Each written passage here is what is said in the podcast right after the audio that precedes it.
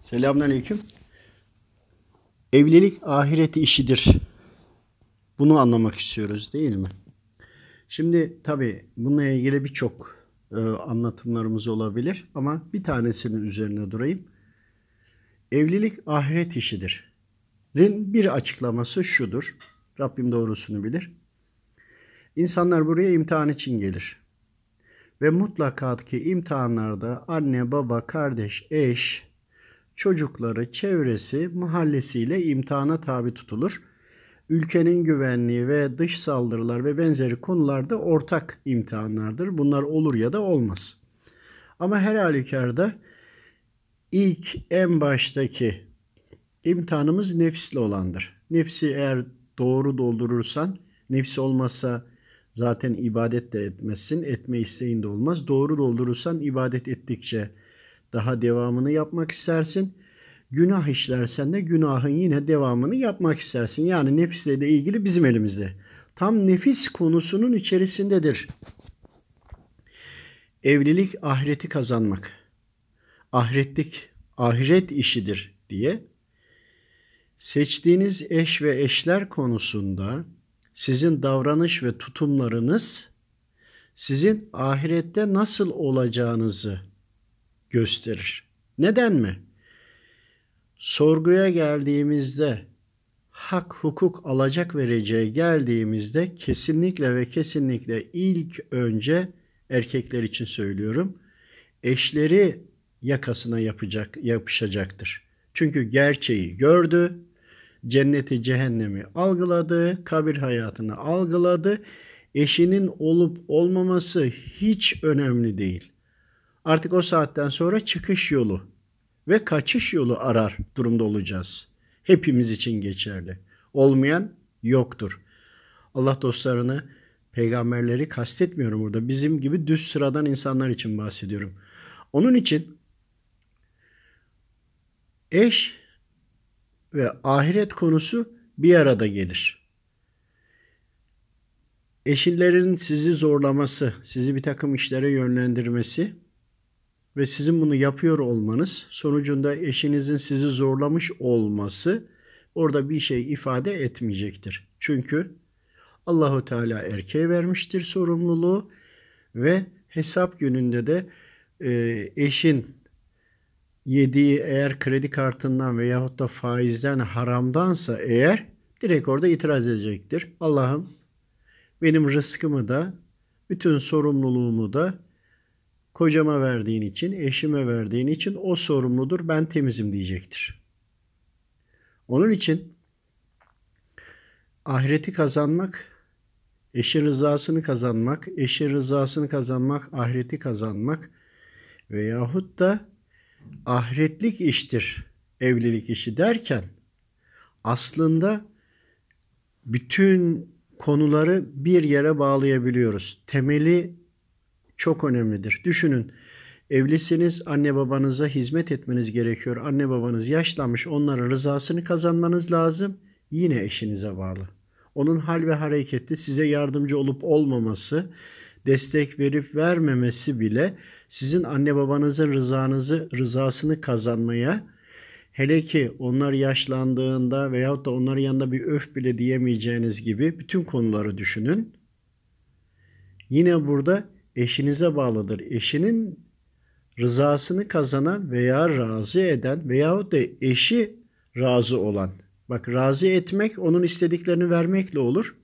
Bir de eşin razı olması olana kanaatkar olup Allahu Teala rızasını gözetmeyle olur.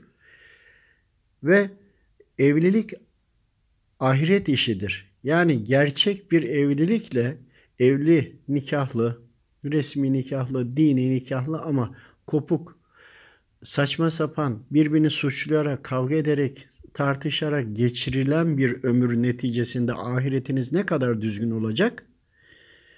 Veyahut da siz hep anlayışla yaklaşıyorsunuz. Karşı tarafın istekleri ve idealleri bitmiyor, suçlamaları bitmiyor.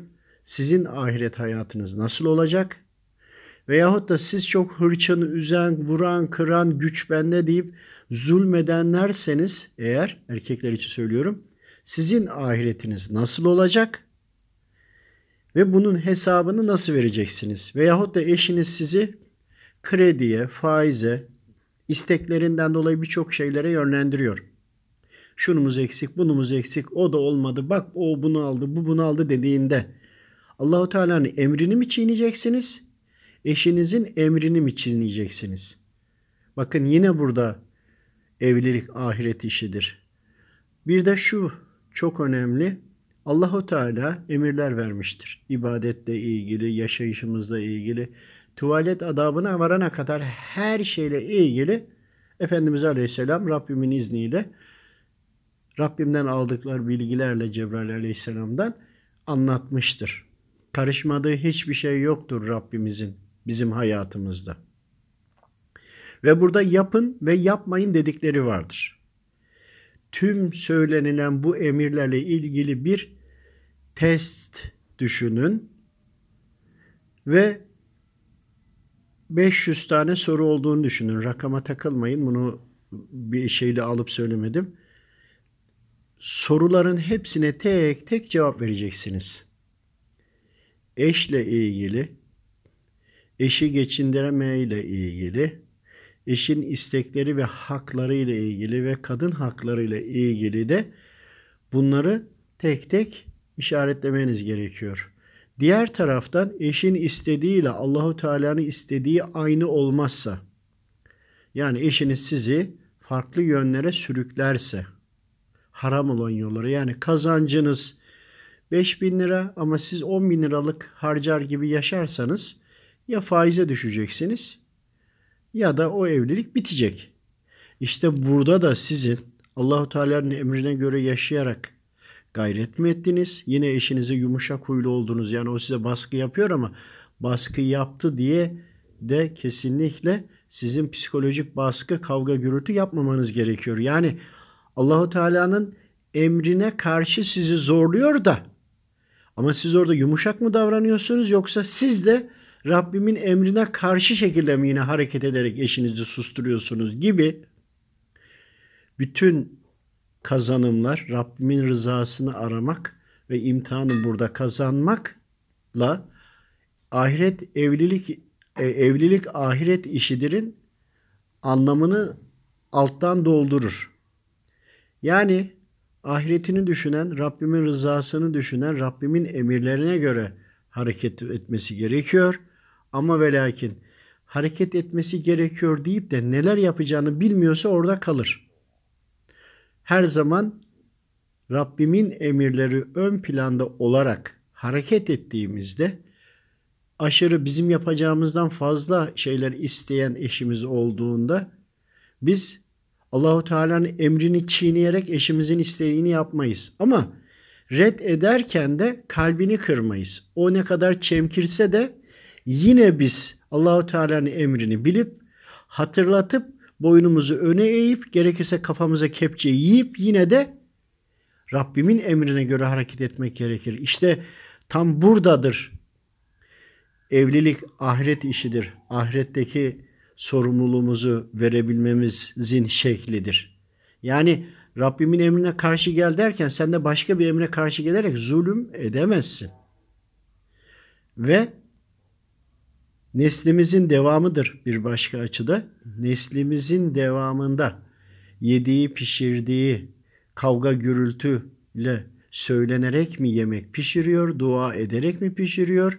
Dini öğretecek, Allahu Teala'yı da sevdirecek olan o çocuklarımıza yine evdeki anneleridir, eşlerimizdir.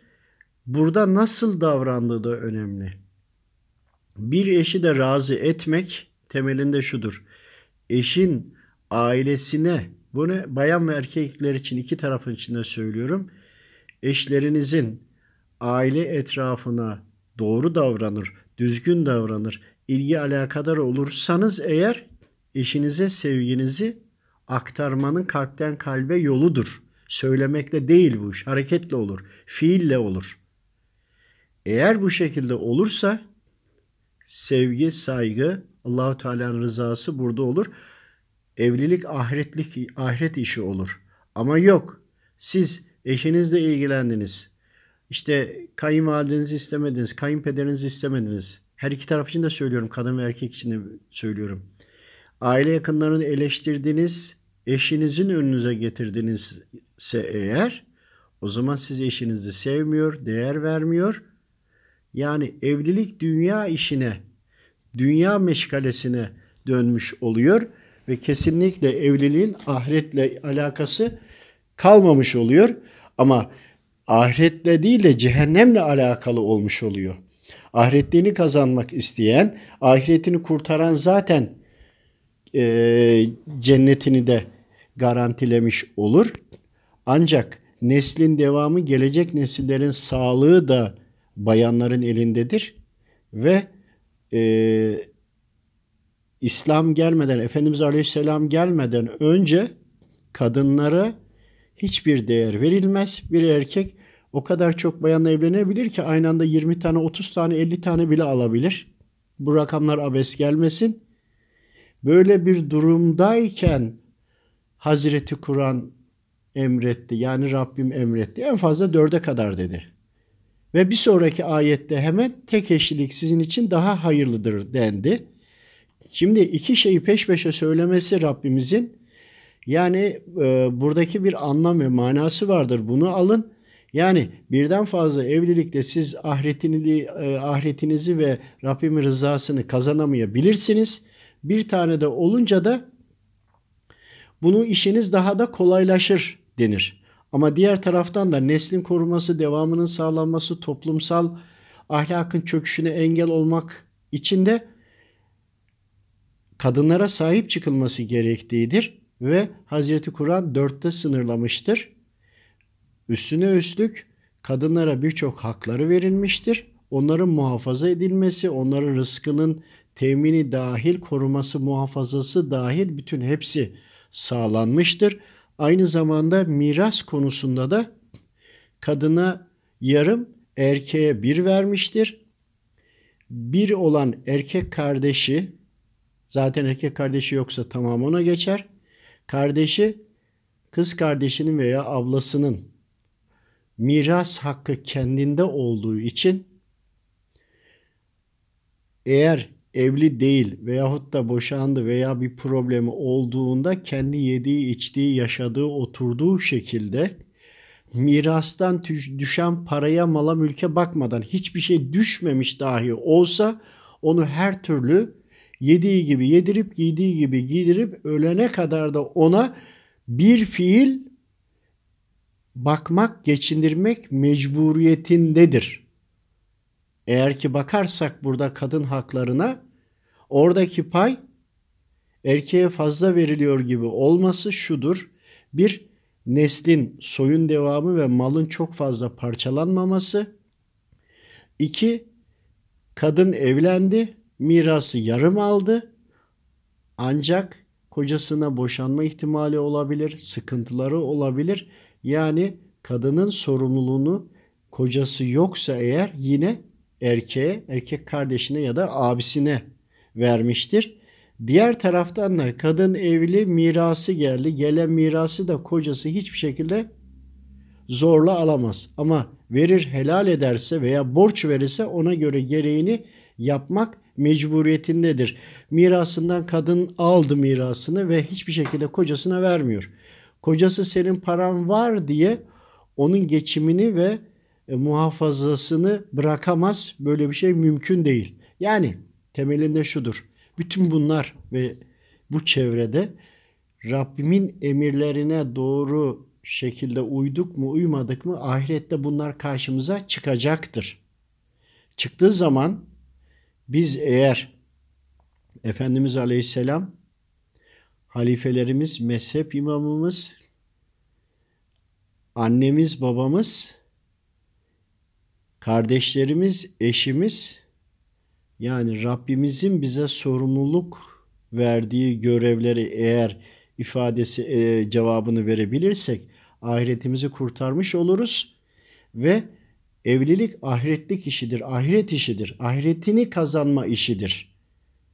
Doğru anlamayı, doğru uygulamayı Rabbim hepimize nasip eylesin inşallah. El Fatiha.